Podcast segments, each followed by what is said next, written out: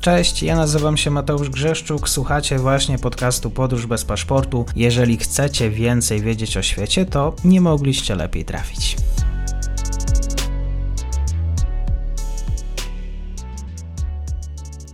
Dzień dobry wszystkim słuchaczom. Dzisiaj tematy afrykańskie, ale z nieco innej strony, bo będziemy rozmawiać o kwestiach społecznych, które oczywiście gdzieś tam zawsze wywiążą się z tą lokalną polityką. Ze mną jest pani doktor Anna Cichecka z Uniwersytetu Wrocławskiego. Dzień dobry, bardzo mi miło. Dzień dobry. Dzień dobry.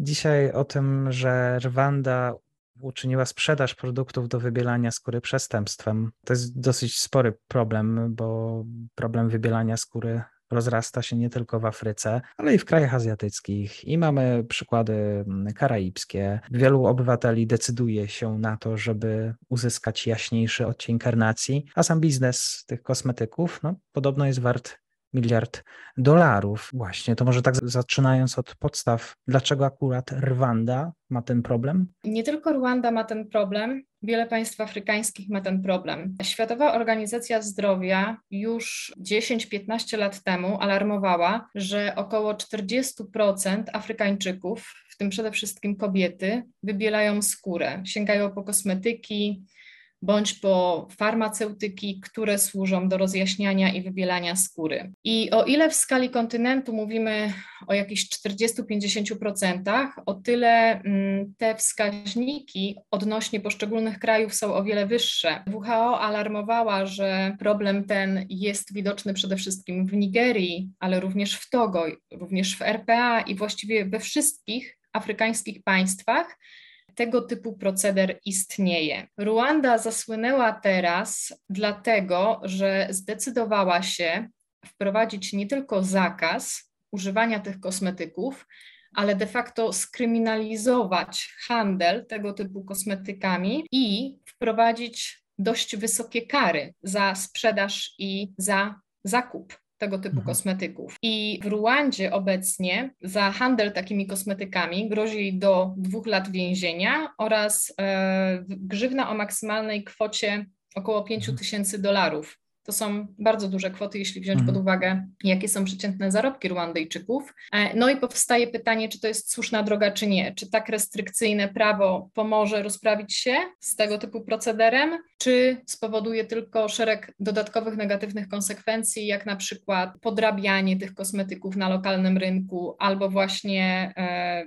nielegalne ich sprzedawanie i wzrost cen, czyli de facto narażanie tej lokalnej społeczności na ponoszenie jeszcze większych strat, w tym również finansowych. Mhm. No i to pytanie pozostaje na razie otwarte. Mhm. A dlaczego akurat y, rwandyjskim władzom aż tak ten proceder przeszkadza? To jest pytanie, które zahacza o szerszy kontekst polityczny. Ruandyjskim władzom nie przeszkadza sam ten proceder ruandyjskim władzom e, przeszkadza wolność obywatelska. E, Ruanda od wielu lat jest uznawana za demokrację fasadową po momencie, w którym została okrzyknięta taką wzorcową demokracją, którą powinny naśladować inne państwa afrykańskie, nastąpił schyłek tych rządów demokratycznych i od e, kilku lat już co najmniej Paul Kagame, prezydent Ruandy, jest uznawany za przedstawiciela rządów autorytarnych, którego wszelkie wolności obywatelskie i wszelkie, jak to ująć, zbyt wiele swobód obywatelskich bardzo go niepokoją. On e, ten autorytaryzm wprowadza w wielu aspektach życia społecznego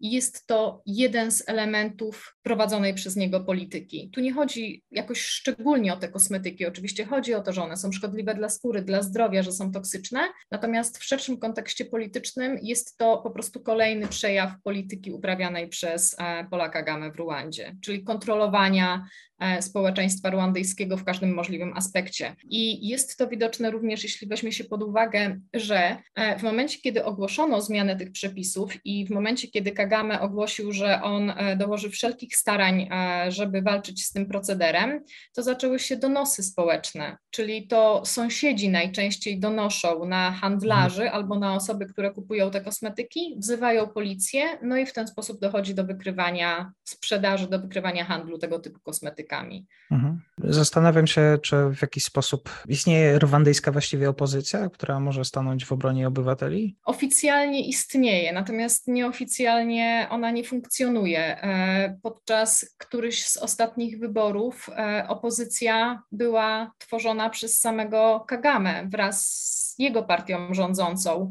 To znaczy stworzono sztuczną, fasadową partię, która miała startować w wyborach e, parlamentarnych i z góry wiadomy był wynik wyboru, był, wyborów, było wiadomym, że ta partia przegra, natomiast e, aby pokazać Ruandyjczykom, ale również obserwatorom międzynarodowym, że e, procedury demokratyczne działają, stworzono taką partię. Oczywiście istnieją też partie, które próbują przetrwać, prawdziwe partie opozycyjne w Ruandzie, ale one nie mają na ten moment szans przebicia się przez reżim, który Kagame stworzył w minionych latach.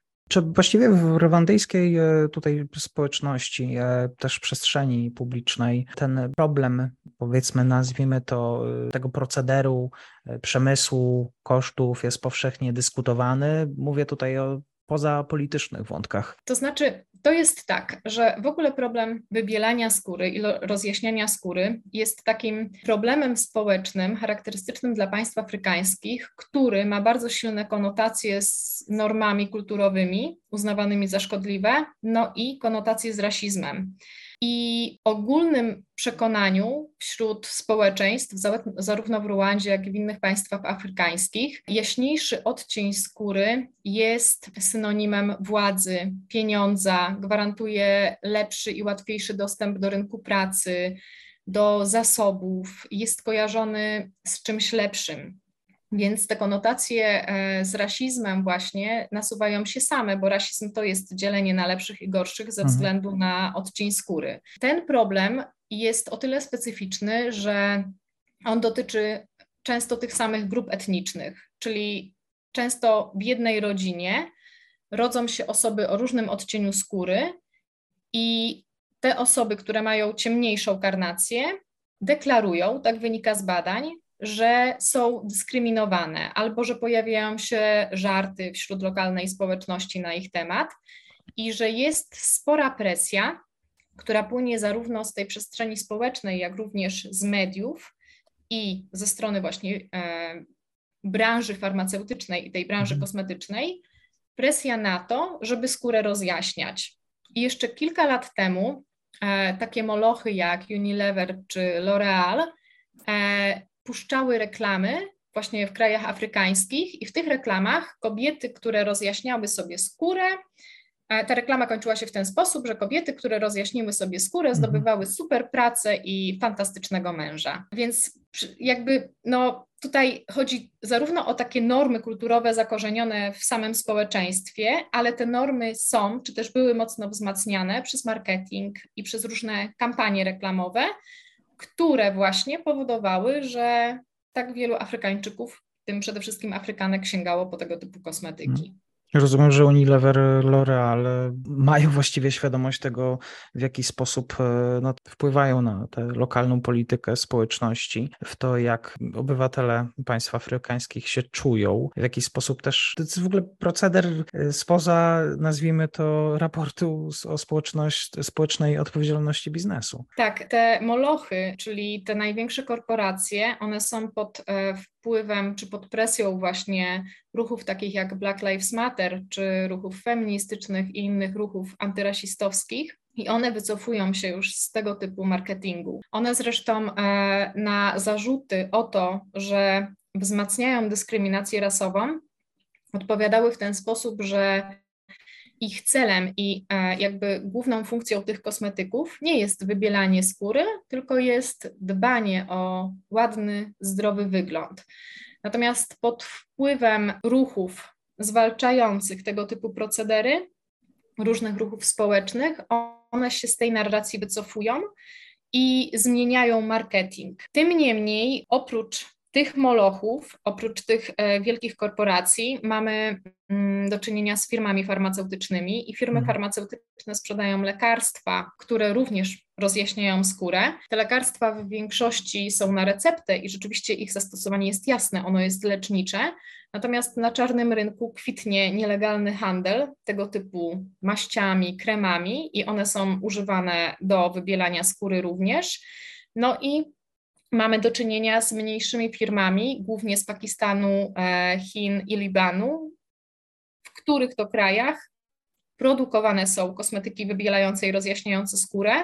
I tu wskazuje się, że w tych krajach te kosmetyki, ta branża produkowane są trochę poza kontrolą, czyli że nie przestrzega się praktycznie żadnych norm dotyczących stężeń, tych e, na przykład stężeń rtęci, która znajduje się w tych kosmetykach i że finalnie długotrwałe ich używanie prowadzi do katastrofalnych skutków zdrowotnych, czyli po prostu mhm. do znacznego pogorszenia się stanu skóry, ale również do zatrucia organizmu. Ten wątek, o którym e, tutaj pani doktor wspomina, też wpisuje się właśnie w te wydarzenia w Stanach Zjednoczonych, kiedy po śmierci właściwie mm, afroamerykanina George'a Floyda L'Oreal miała właśnie zabronić, usunąć słowo typu biały, jasny, rozjaśnienie z produktów do pielęgnacji skóry. Tutaj Unilever też właśnie miał wydać podobne oświadczenie. Johnson Johnson, firma trzecia, chce, chciała, nie wiem jak to wygląda teraz, w ogóle zrezygnować z produkcji kremów do wybielania skóry. Czy, czy właściwie państwa afrykańskie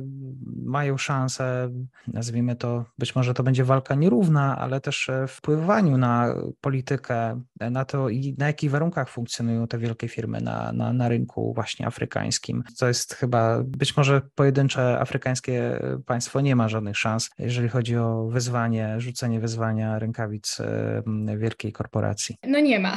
Odpowiedź jest jasna, że praktycznie nie ma. I teraz możemy wrócić e, jeszcze do tego przykładu Ruandy. W Ruandzie stworzono, e, bo w Ruandzie zaczęła się walka z e, wybielaniem skóry już kilka lat temu. Najpierw było rozporządzenie ministerialne w 2000 2016 roku i ono zakazywało stosowania właśnie rtęci, e, hydrochinu i innych chemikaliów w tego typu e, kosmetykach powyżej pewnych stężeń. I za tym nie poszło nic. Po prostu przygotowano takie rozporządzenie. Natomiast już dwa lata później, w 2018 roku, rozpoczęła się taka zmasowana akcja zwalczająca ten proceder. I mhm. e, oprócz e, delegalizacji handlu tego typu kosmetykami, zapowiedziano, że e, będzie to ścigane, czyli że właśnie policja wesprze działania prawne i że będzie ścigać handlarzy tego typu kosmetyków. E, tym działaniom towarzyszyła mm, taka mm, prężna kampania społeczna, na czele której stanął Kagame. On się wypowiadał przede wszystkim w mediach społecznościowych i z jednej strony straszył i groził palcem, że jeśli e, będą sprzedawane tego typu kosmetyki, to będą musieli handlarze ponieść konsekwencje, a z drugiej strony ta kampania miała na celu uświadomić osobom używających tych kosmetyków, że to jest skrajnie niebezpieczne dla zdrowia. No i finalnie mamy taki rezultat, jaki mamy. I to jest tyle właściwie, co e, Ruanda mogła zrobić. Mhm. Jeśli chodzi o tą nierówną walkę, to ja bym powiedziała, że większym być może zagrożeniem niż L'Oreal, Johnson Johnson czy Unilever są e, właśnie firmy działające w krajach, w których ta produkcja odbywa się trochę poza kontrolą, czyli we wspomnianym Pakistanie, Chinach e, czy Libanie. Bo o ile na te molochy korporacyjne są w stanie wpłynąć ruchy społeczne, o tyle trudno radzić sobie z czarnym rynkiem w państwach, w których mhm. tego typu regulacje nie obowiązują i w państwach, w których presja społeczna nie przynosi żadnych efektów. Mhm. Zadam może pytanie jeszcze z innej strony w takim razie. Kiedy tutaj deprecjonuje się i też e, tutaj wspomniała pani doktor o tej reklamówce, o tych hasłach, że właśnie wybielając się, że tak powiem, stosując tego typu kosmetyki można znaleźć pracę, to czy może to nie dotyczy typowo gruntu rwandyjskiego, ale funkcjonują jakieś kampanie być może działa jakieś stowarzyszenia, których celem jest po prostu edukacja Afrykańczyków, e, edukacja ludzi, przede wszystkim takim z poczuciem e, wartości samego siebie, że taki jaki jesteś, nie masz się czego wstydzić, może w ten sposób. Może trochę budowanie poczucia dumy, tego, że e, no, nie musisz zmieniać się, nie musisz używać tego typu kosmetyków. Tutaj oddaję głos pani doktor. Tak, są aktywiści, którzy działają na tę rzecz i oni działają zarówno lokalnie, jak i też międzynarodowo. Mhm. E, I jakby, bo wydaje się, że to jest taki trochę błahy problem, że chodzi o jakieś kosmetyki, że one powodują negatywne skutki. Natomiast to wybielanie skóry, ono się mocno wpisuje we współczesny rasizm instytucjonalny. I mamy tu do czynienia z pewnym paradoksem, bo rasizm to jest e, doktryna czy jakaś pseudoteoria, która wywodzi się z czasów kolonialnych i która została stworzona przez Europejczyków jako usprawiedliwienie do podbojów kolonialnych, do sprzedaży niewolników i do ugruntowania dominacji białego człowieka nad resztą świata. I teraz paradoksalnie mamy do czynienia z sytuacją, w której pewne elementy rasizmu, czyli dyskryminacja, podział na lepszych i gorszych, spotykamy w wolnych, niepodległych państwach afrykańskich i wśród ich społeczności. E, I wygląda to tak, e, jakby właśnie paradoksalnie te społeczności same sobie robiły krzywdę, odnosząc się do doktryn, które były wykorzystywane przez lata w czasach kolonialnych na ich niekorzyść. E, natomiast e, te normy kulturowe, które powodują, że społeczeństwa afrykańskie sięgają po tego typu zabiegi, są również ugruntowane instytucjonalnie. Czyli mamy do czynienia z takim rasizmem strukturalnym, instytucjonalnym, bo badania pokazują, że rzeczywiście Afrykańczycy o jaśniejszym kolorze skóry łatwiej zdobywają pracę. Częściej zarabiają więcej niż osoby o ciemniejszej karnacji. I że te normy kulturowe są z jednej strony wzmacniane przez instytucje, a z drugiej strony, że jest niewystarczająco, e, że nie są podejmowane wystarczające kroki ze strony instytucji państwowych, na rzecz walki z tymi normami kulturowymi. Mhm.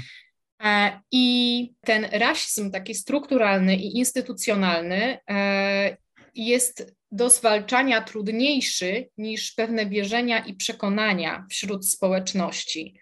Więc aktywiści, którzy decydują się na walkę z tym procederem i na lansowanie kampanii społecznych, na tłumaczenie, że nie chodzi tylko o szkodliwość kremów, ale chodzi również o to, że e, każdy kolor skóry jest właściwy, każdy kolor skóry jest cenny i dobry. Oni się podejmują ogromnego trudu, bo oni działają nie tylko z ludźmi, czyli nie spotkają się tylko ze społecznościami, ale często e, spotykają się również z przedstawicielami rządu i e, tłumaczą od podstaw, że działania, które należy podjąć, żeby zwalczyć proceder handlu kosmetykami rozjaśniającymi skórę, są szerokie i że nie wystarczy wprowadzić zakazów ani uświadamiać społeczności, ale w ogóle zmienić pewien system funkcjonowania państwa i instytucji państwowych, żeby sobie całkowicie z tym problemem poradzić. Mhm. Czy ten problem dotyczy w równomiernym stopniu mężczyzn i kobiety, czy czy, czy jak możemy to wyjaśnić? Kobiety zdecydowanie częściej sięgają po tego typu kremy. Natomiast to, co jest charakterystyczne dla wszystkich, to jest również to, że często te osoby nie mają świadomości tego, że mm, sięgają po substancje toksyczne, które mogą wyrządzić im krzywdę.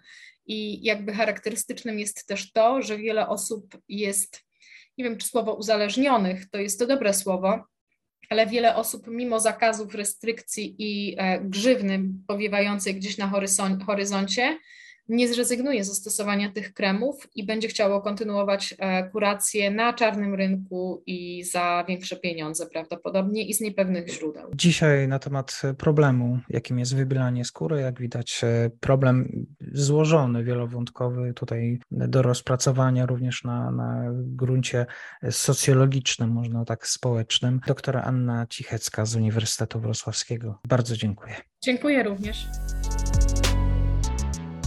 I to już koniec na dzisiaj. Zapraszam na profil podcastu Podróż bez paszportu na Facebooku, Instagramie i Twitterze. Zachęcam też do wsparcia mojej pracy na serwisie Patronite oraz Buy Coffee. Do usłyszenia.